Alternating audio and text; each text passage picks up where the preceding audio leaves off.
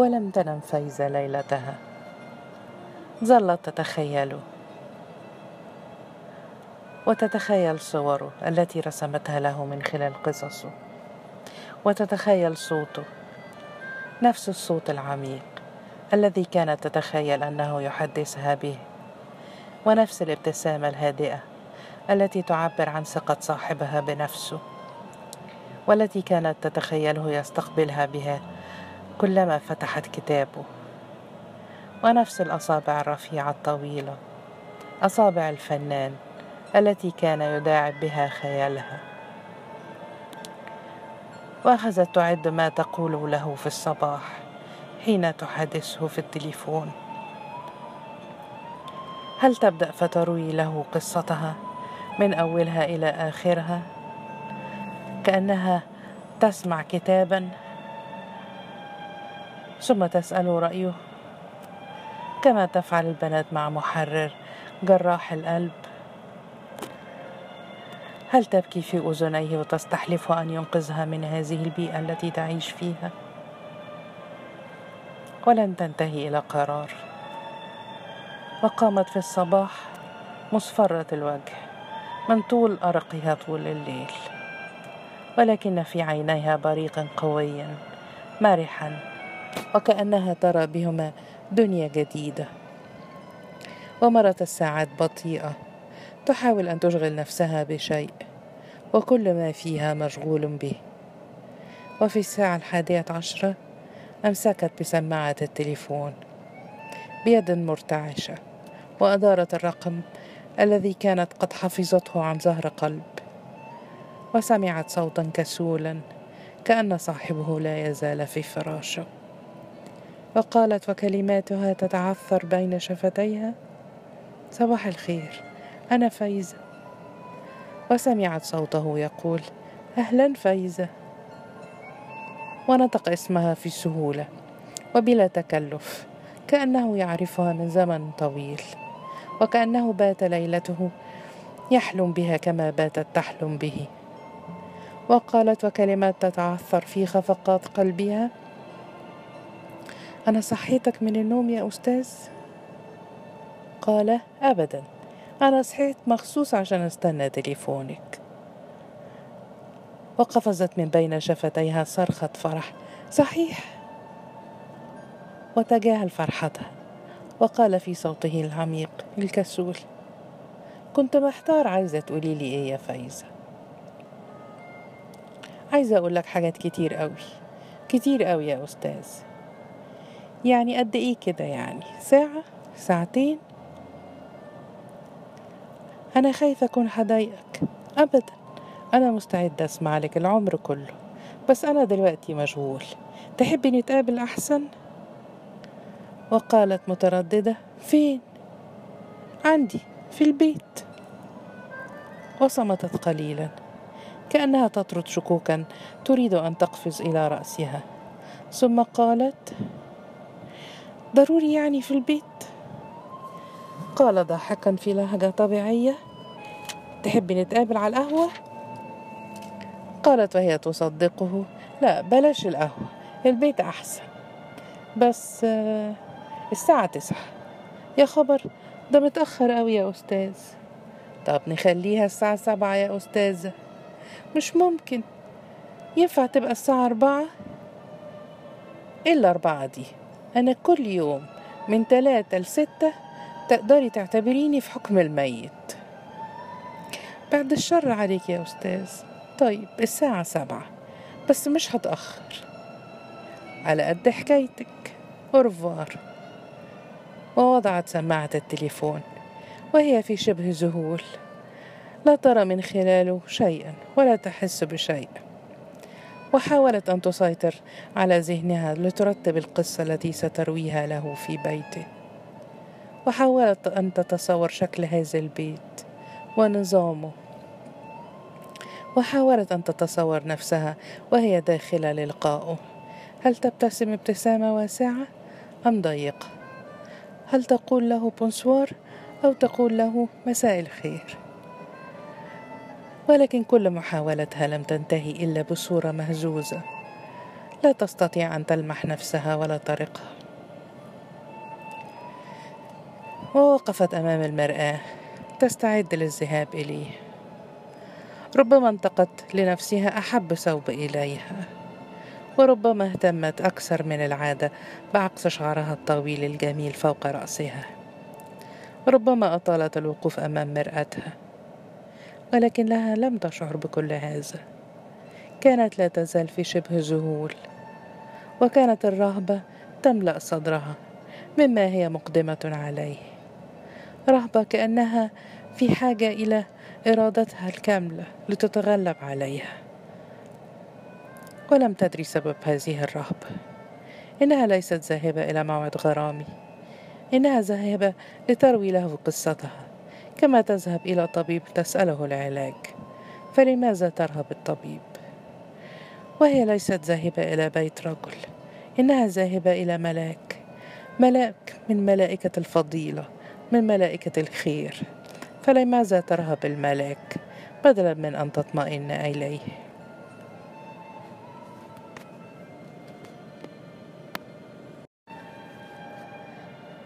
ووصلت إلى العمارة الأنيقة. التي يسكن فيها وخيل إليها أنها ناسيت رقم الشقة فأخذت تنظر في البطاقات الملصقة بصناديق البريد المعلقة بجانب الباب ولمحها البواب ونظر إليها طويلا ثم تقدم إليها قائلا حضرتك عايزة شقة الأستاذ منير؟ وبغتت فايزة كأن سرها قد انفضح وقالت في استحياء أيوة شقة نمرة 12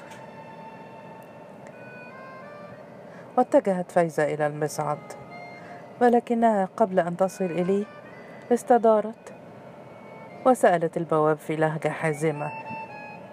إيه عرفك إن أنا رايحة للأستاذ منير؟ وابتسم البواب ابتسامة خبيثة وقال أنا بقالي بواب في العمارة دي سبع سنين والأستاذ منير ساكن هنا من سبع سنين. ولم تفهم فايزة شيئا أو لعلها لم تحاول أن تفهم. ووجدت أنها لا تستطيع أن تستمر في مناقشة البواب فاتجهت إلى المصعد ووصلت وضغطت على جرس الباب. وفتح لها بنفسه وهو مرتد سروالا وقميصا وسترة منزلية من الصوف. ومرتد أيضا ابتسامته الهادئة الوديعة. ومدت له يدها. التقطها كأنه لن يتركها أبدا. وقال من خلال ابتسامته ياه ده انت إيدك ساقعة قوي ولم تقل شيئا. واستطرد. لازم قلبك حامي زي النار. وأدارت عينيها في أنحاء البيت. إن كل شيء فيه أنيق فخم مرتب مرتب أكثر من اللازم. وكأن كل شيء أعد خصيصا لاستقبالها. وكأن كل مقعد يفتح ذراعيه لها ويغريها بالجلوس عليه. واختارت مقعدا جلست عليه. وتعمدت أن يكون بعيدا عن المائدة الصغيرة التي تحمل زجاجات الويسكي. ولكنه لم يتركها في جلستها. فقد جلس على الأريكة وأشار لها على مقعد بجانبه ودعاها إليه وترددت. وقال وهو يحاول أن يضع كل فنه في ابتسامته ما تقعديش بعيد عني لأن صوتك صوتي مبحوح ومش هقدر أزعق. وقامت وجلست حيث أراد. وقال وهو يمد يده إلى زجاجة الويسكي صودا ولا مية؟ قالت في صوت خفيض ميرسي أنا ما بشربش. وبدت في عينيه نظرة تعجب. تحبي تشربي كونياك؟ ميرسي ولا كونياك. كاس واحد عشان تتدفي ونظرت إليه في عتاب. أنت كمان يا أستاذ فاكرني زي إخواتي. واتسعت نظرات التعجب في عيني الأستاذ. مالهم إخواتك؟ يعني مش عارف. معرفش إلا إنهم ناس طيبين. لك حق. أنت طول عمرك بتكتب عن الفضيلة والشرف وعن الناس اللي بيحافظوا على سمعتهم وكرامتهم. ما تقدرش تتصور إن في ناس غير اللي بتكتب عنهم في قصصك. ناس يموت الراجل بتاعهم فيموت مع شرفهم وسمعتهم. وسكتت لتخرج من حقيقتها منديلا تجفف به دموعا بدأت تقفز من عينيها. ورفع منير يده عن زجاجة الويسكي ونظر إليها كأنه لم يكن منتظر دموعا منها أو كأنه لم يعد نفسه لتلقي مثل هذه الدموع. وقال مواسيا إحنا هنبتدي نعيط من الأول كده؟ وقال وهو يحاول أن يضغطها يضغط يده إليها. خلينا الأول نسمع الحكاية كلها وبعدين نعيط مع بعض. ولم تحس فايزة بيده وهو تضغط على كتفها. ولم تحس بيدها وهي مستسلمة له. وإنما بدأت تروي قصتها. وأحس هو أنها قصة طويلة. وأنها منفعلة في روايتها إلى حد أنها لن تنتبه له. فسحب يده من فوق كتفها وسحب يده الأخرى من يدها وجلس يستمع إليها وأمر لله. وروت له القصة كاملة كيف أحبت أباها وكيف مات وكيف رأت أمها تستقبل رجلا غريبا في البيت بعد أسبوعين من, من موته. ثم كيف تعدد الرجال الذين يترددون على البيت؟ وكيف بدأ الجيران يتهامسون عليها؟ وكيف بدأت زميلاتها يتقولن عليها؟ وكيف انتقلن إلى بيتهم في الجيزة لتستمر الليالي دون أن يعكرها همس الجيران؟ وكيف أصبحت تكره الرجال جميعا؟ وتعتقد أن كل منهم لا يحترمها ولا يقيم وزنا لكرامتها. إنما يريدون منها ما يأخذونه من أمها وأختيها. وقالت وهي تلفظ آخر دموعها الفستان اللي أنا لابساه ده ما أعرفش فلوسه مين دافعها شوكت ولا إسماعيل ولا محمد ولا علي عمري ما أطلب حاجة ونينا تجيبها لي عمري ما طلبت حاجة إلا كل حاجة كانت بتجيلي. وكل ما بتجيلي حاجة بحس إنها بتشكني بتشكني في كل حتة من جسمي. كنت أفضل إن ألبس خيش بس من فلوس بابا ولا إنيش ألبس الحرير من فلوس راجل غريب. واستمع منير إلى القصة وهو يتأرجح بين الملل والتأثر. ثم قال انتي كنتي بتحبي بابا قوي جدا يا أستاذ. ولسه بتحبيه؟ جدا يا أستاذ. ده السبب سبب عذابك. لأنك بتشوفي الدنيا حواليكي مختلفة عن أيام ما باباكي كان موجود بتشوفيها بعين باباكي مش بعينك انتي مش قادرة تشوفي اللي بتشوفه ننتك أو إخواتك. كل حاجة بتحكمي عليها بتحكمي بعقلية والدك. كان لازم تحبي حد تاني. عمرك ما حبيتي حد غير بابا الله يرحمه. وقالت وهي تجفف ما بقي من دموعها. إزاي؟ إيه هو الحب؟ يوم ما تحبي مش هتسألي إيه هو الحب. الحب اللي أعرفه هو حب نيني وعادل في قصة قلبي لك. هو ده الحب اللي يعجبني. الخيال حاجة فايزة والحقيقة حاجة تانية. وقالت وهي لا تنظر إليه أنا شفتك في الحقيقة شفتك أحلى ما كنت بشوفك في الخيال. ومد يده ووضعها فوق يديها وقال بكل ابتسامة يملكها. صحيح ولم ترد. صحيح يا فايزة؟ ولم ترد. إنما جذبت يدها من تحت يده وقالت يا خبر الساعة بقت عشرة. أنا اتأخرت أوي يا أستاذ. وقالت وهي تقف. ما تقدرش تعرف أنت قد إيه ريحتني بكلامي معاك النهاردة. ما تقلقيش يا فايزة أنا هفضل طول عمري أريحك. قالت وهي تقاوم حياءها يعني أقدر أتصل بيك في التليفون؟ وقت ما تحبي بس بلاش حكاية الصبح بدري قوي دي. حاضر يا أستاذ. وقبل أن يفتح لها الباب سألها انتي هتقولي لحد من إخواتك إنك كنتي عندي؟ ترددت قليلا ثم قالت بلاش أحسن. بونسوار يا أستاذ. قال وهو يمسك يدها. في حاجة تانية. بلاش كلمة أستاذ دي. دمها تقيل قوي أنا اسمي منير. منير بس. تصبح على خير يا منير.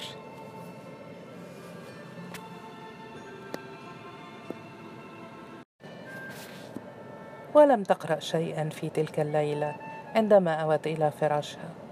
ولم تستعرض قصة حياتها كما تعودت أن تستعرضها كل مساء. بل أنها كادت تنسى أن تغلق بابها بالمفتاح كعادتها. كانت في جنة من أوهامها ونامت كما لم تنم أبدا كأن الدنيا كلها ملك يديها. وفي الساعة الحادية عشرة من الصباح التالي كانت تحدثه في التليفون وبدأت تحدثه كل صباح ومساء. وكانت في أول الأمر تلتمس الأعذار لنفسها حتى تحدثه. وكانت تبحث عن مشكلة جديدة لتسأله عن رأيه فيها ثم لم تعد تلتمس عذرا ولا تبحث عن مشكلة إنما أصبحت تحادثه لمجرد سماع صوته ولمجرد أن يسمع صوتها. وأصبحت تروي له كل تفاصيل يومها. ماذا تلبس؟ وماذا تأكل؟ ومن تردد على البيت؟ وماذا قالت أختيها؟ ثم أصبحت تسأله عن تفاصيل يومه وأصبحت تحس أنها مسؤولة عن سعادته وعن متابعة الطباخ والبواب ونشر القصص. ومرت أسابيع طويلة ليس بينهم سوى أحاديث التليفون.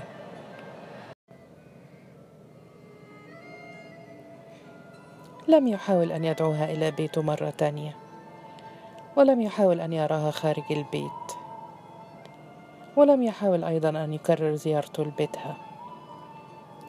وعندما دعته هي لزيارتها قال في لهجة جديدة لا يا فايزة أنا ما بستحملش الجو اللي عندكم في البيت. وبدأت تحاول أن تراه وتحاول أن يدعوها إلى بيته ولكنه كان يتجاهل دائما محاولاتها. إلى أن صارحته مرة قائلة في غضب. يعني خلاص عمرنا ما هنشوف بعض تاني. وابتسم الأستاذ الذي يمسك بالطرف الثاني من التليفون وقال في وفي عينيه نشوة النصر. أنت اللي مش عايزة تشوفيني. وأشوفك إزاي؟ أشوفك بالتليفون برضو. يعني فكرتي تيجي تشوفي الراجل اللي قاعد لوحده ده؟ جراله إيه؟ وانطلقت أنوار السعادة على وجه فايزة وقالت يعني انت قلت لي تعالي وأنا ما جيتش. طيب هتيجي إمتى? بكرة الساعة سبعة وكانت هناك في الساعة السابعة. وقلبها يزفها إليه. واستقبلها كما يستقبل الكاتب نهاية القصة. ولم تجد المائدة التي تحمل زجاجة الويسكي. ووعاء الثلج. إنما وجدت مكانها علبة أنيقة مليئة بقطع الشوكولاتة. وقبل أن تحاول الجلوس على المقعد كان قد جذبها معه ليجلسها بجانبه على الأريكة وقال وهو يضغط كفيها بين كفيه أنا حاسس إني مش هقدر أستغنى عنك أبدا يا فايزة. وقالت وابتسامتها تكاد تزغرد فوق شفتيها. أنا خلاص ما بقيتش أقدر أعيش من غير ما أسمع صوتك. الصبح وبالليل وفي كل وقت زي الدواء.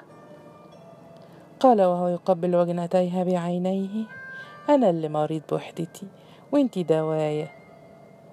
قالت وهي تحس إحساسا خفيا بأنها أقوى منه بعد الشر عليك. قال وهو يقترب منها أكثر. أنا عمري ما خيالي تحقق إلا فيك يا فايزة كل قصة كنت بدور فيها على بطلة من أوهامي. النهاردة كل قصة بكتبها إنتي بطلتها.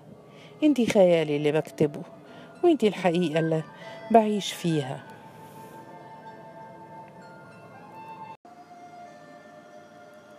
ولم تكن تنتظر منه كل هذا الكلام العاطفي.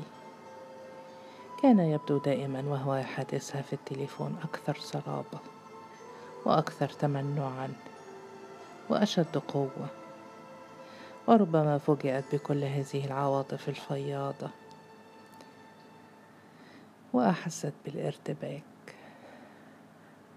واشتد ارتباكها وهو يزداد اقترابا منها ثم وهو يميل بشفتيه على وجنتيها ثم وهو يزحف بهما حتى يلصقهما بشفتيها.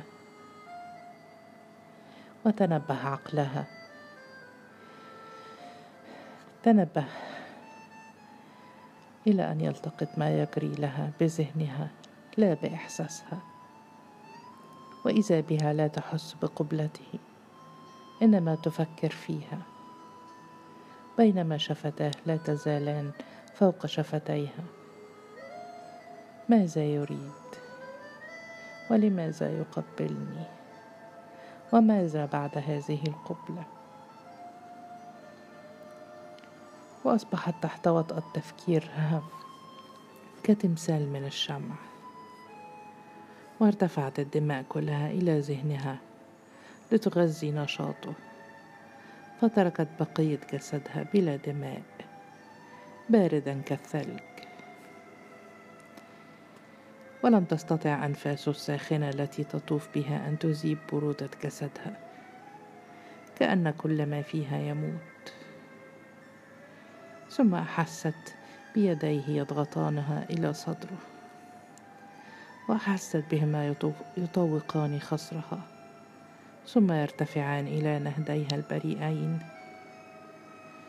ثم إذا بيديه تجفان فوق صدرها وهم يبحثان عن منفذ في ثوبها لتصل منه إلى لحمها. وانتفضت واقفة وهي تبعد عنه قائلة في غضب. لا يا منير لا مش كده. ولجأت إلى آخر الغرفة فلحق بها وأمسك بكتفيها ودفعها في رفق حتى ألصق ظهرها بالحائط. وعاد يميل عليها بشفتيه ويملأ وجهها بأنفاسه الساخنة. وتخلصت منه. تركها تبعد عنه. ووقف ينظر إليها في قسوة كأنه يلومها. وقال أنا كنت فاكر إنك بتحبيني. وقالت في دهشة هو ده الحب.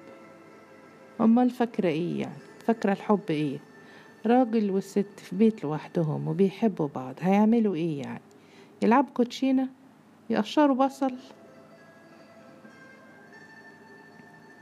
بس أنت عمرك ما فهمتني إن الحب كده. الحب اللي في قصصك حاجة تانية خالص. قاطعها صائحا. يا ستي تتحرق القصص على اللي بيكتب القصص. ما تقولش كده يا منير. أنا اللي غلطان. كنت ناسي إنك عيلة صغيرة. راجل زيي عنده 38 سنة ما يصحش يعرف بنت عندها 17 سنة. قالت وهي تحاول أن تحتفظ بهدوءها. غلطتك إنك مش قادر تفرق بيني وبين إخواتي. بين الجو اللي شفته في بيتنا وبيني. الجو اللي أنت شفته دوت اداك فكرة غلط عني. قال وهو لا يزال ثائرا. مالهم إخواتك؟ على الأقل مش معقدين زي ما انت معقداها كده قالت وهي تعاتبه وقد بدأت الدموع تطل من عينيها. أنا مش معقدة الدنيا. الدنيا هي اللي معقداني. وما كنتش منتظرة منك إن أنت اللي تقولي كده. ونظر إليها. إلى الوجه البريء الذي تعذبه الحيرة وإلى العينين المخلصتين بالدموع والشفاه مرتعشة في ضعف فأحس باليأس والندم. اليأس لأن الفتاة أقوى من أن تلين بسهولة والندم لأن الخطة التي وضعها كانت تحتاج إلى وقت أكثر مما قدر لها ماذا كان عليه لو كان انتظر هذه الليلة أيضا حتى يزداد اطمئنانها إليه. لقد تعمد أن يصبر عليها طوال الأسابيع الطويلة التي مرت. بناء على خطة موضوعة حتى تثق به وحتى تخطو هي الخطوة الأولى نحوه وقد خطت فعلا الخطوة الأولى. واستقبلها بعد أن أخفى زجاجات الويسكي متعمدا حتى يشعرها باحترامه لها ولكنه أفسد كل خطته بتلهفه تلهفه على تقبلها وبالانقياد إلى أعصابه الضعيفة التي لم تتعود مقاومة الجمال. وسكت طويلا ثم قال وهو يبدو متأثرا أنا فعلا غلطان يا فايزة وغلطتي إني كنت صريح مع نفسي ومعاكي وما عملتش حسابك. نسيت إن انتي بتسيء الظن بكل الرجالة حتى أنا. أرجوكي ما تزعليش مني. وأوعدك إن اللي حصل ده مش هيتكرر تاني. وقالت وهي تحاول أن تخفف عنه وقد امتلأ قلبها حنانا. أنا ما زعلتش منك يا منير. بتهيألي إن عمري ما هزعل منك وعمري ما هسيء الظن بيك أبدا. مين عارف يمكن أنا اللي غلطانة. أنا مش فاهمة نفسي. قال وهو لا يزال متأثرا. انتي مش غلطانة يا فايزة. انتي على حق. أنا اللي غلطان وبكرر اعتذاري. تأكد إني مش زعلانة. وسكت ولم يدعها إلى الجلوس ليريحها من وقفتها وإنما ظل واقفا بعيدا عنها. وشعرت كأن لم يعد لديها شيئا تقوله. فقالت وهي تمد يدها وتلتقط حقيبتها أظن لازم أنزل دلوقتي قبل ما أتأخر ولم يرد عليها. تركها تلتقط حقيبتها وتسوي خصلات شعرها. وتصلح من ثوبها. ثم لما تقدمت نحو الباب تقدم خلفها ومد يده لها مودعا وقال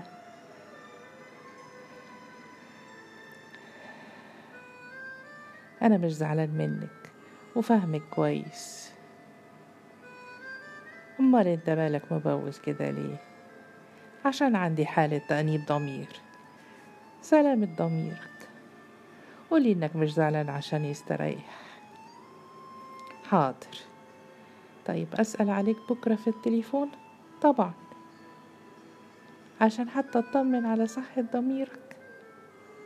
وابتسمت كأنها تدعوه للابتسام. ولكنه لم يبتسم. وخرجت.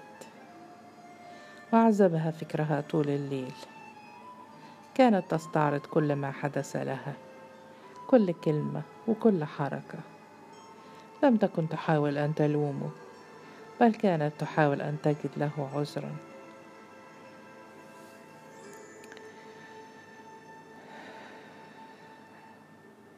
لم تجد له عذرا إلا في أن تتهم نفسها بأنها فتاة طبيعية. وإن فيها شيئا ناقص. ربما كان هذا الشيء في تفكيرها. أو طبيعة تكوينها. لماذا لم تتحمل قبلاته لماذا لم تبادله هذه القبلات إنها تعلم أن أختيها يوزعان قبلاتهما على الرجال بنفس الكرم الذي يوزعان به أقداح القهوة وكؤوس الويسكي. لماذا لا تكون كأختيها. لماذا تحمل القبلة كل هذه المعاني. ولماذا تتهم بأنه كان يريد أكثر من تقبلها ثم إنها تحبه تحب قبل أن تراه وتحب أكثر بعد أن رأته. فلماذا لا تترك نفسها للحب يفعل بها ما, ما يشاء؟ لماذا يتدخل تفكيرها في كل شيء يريد قلبها؟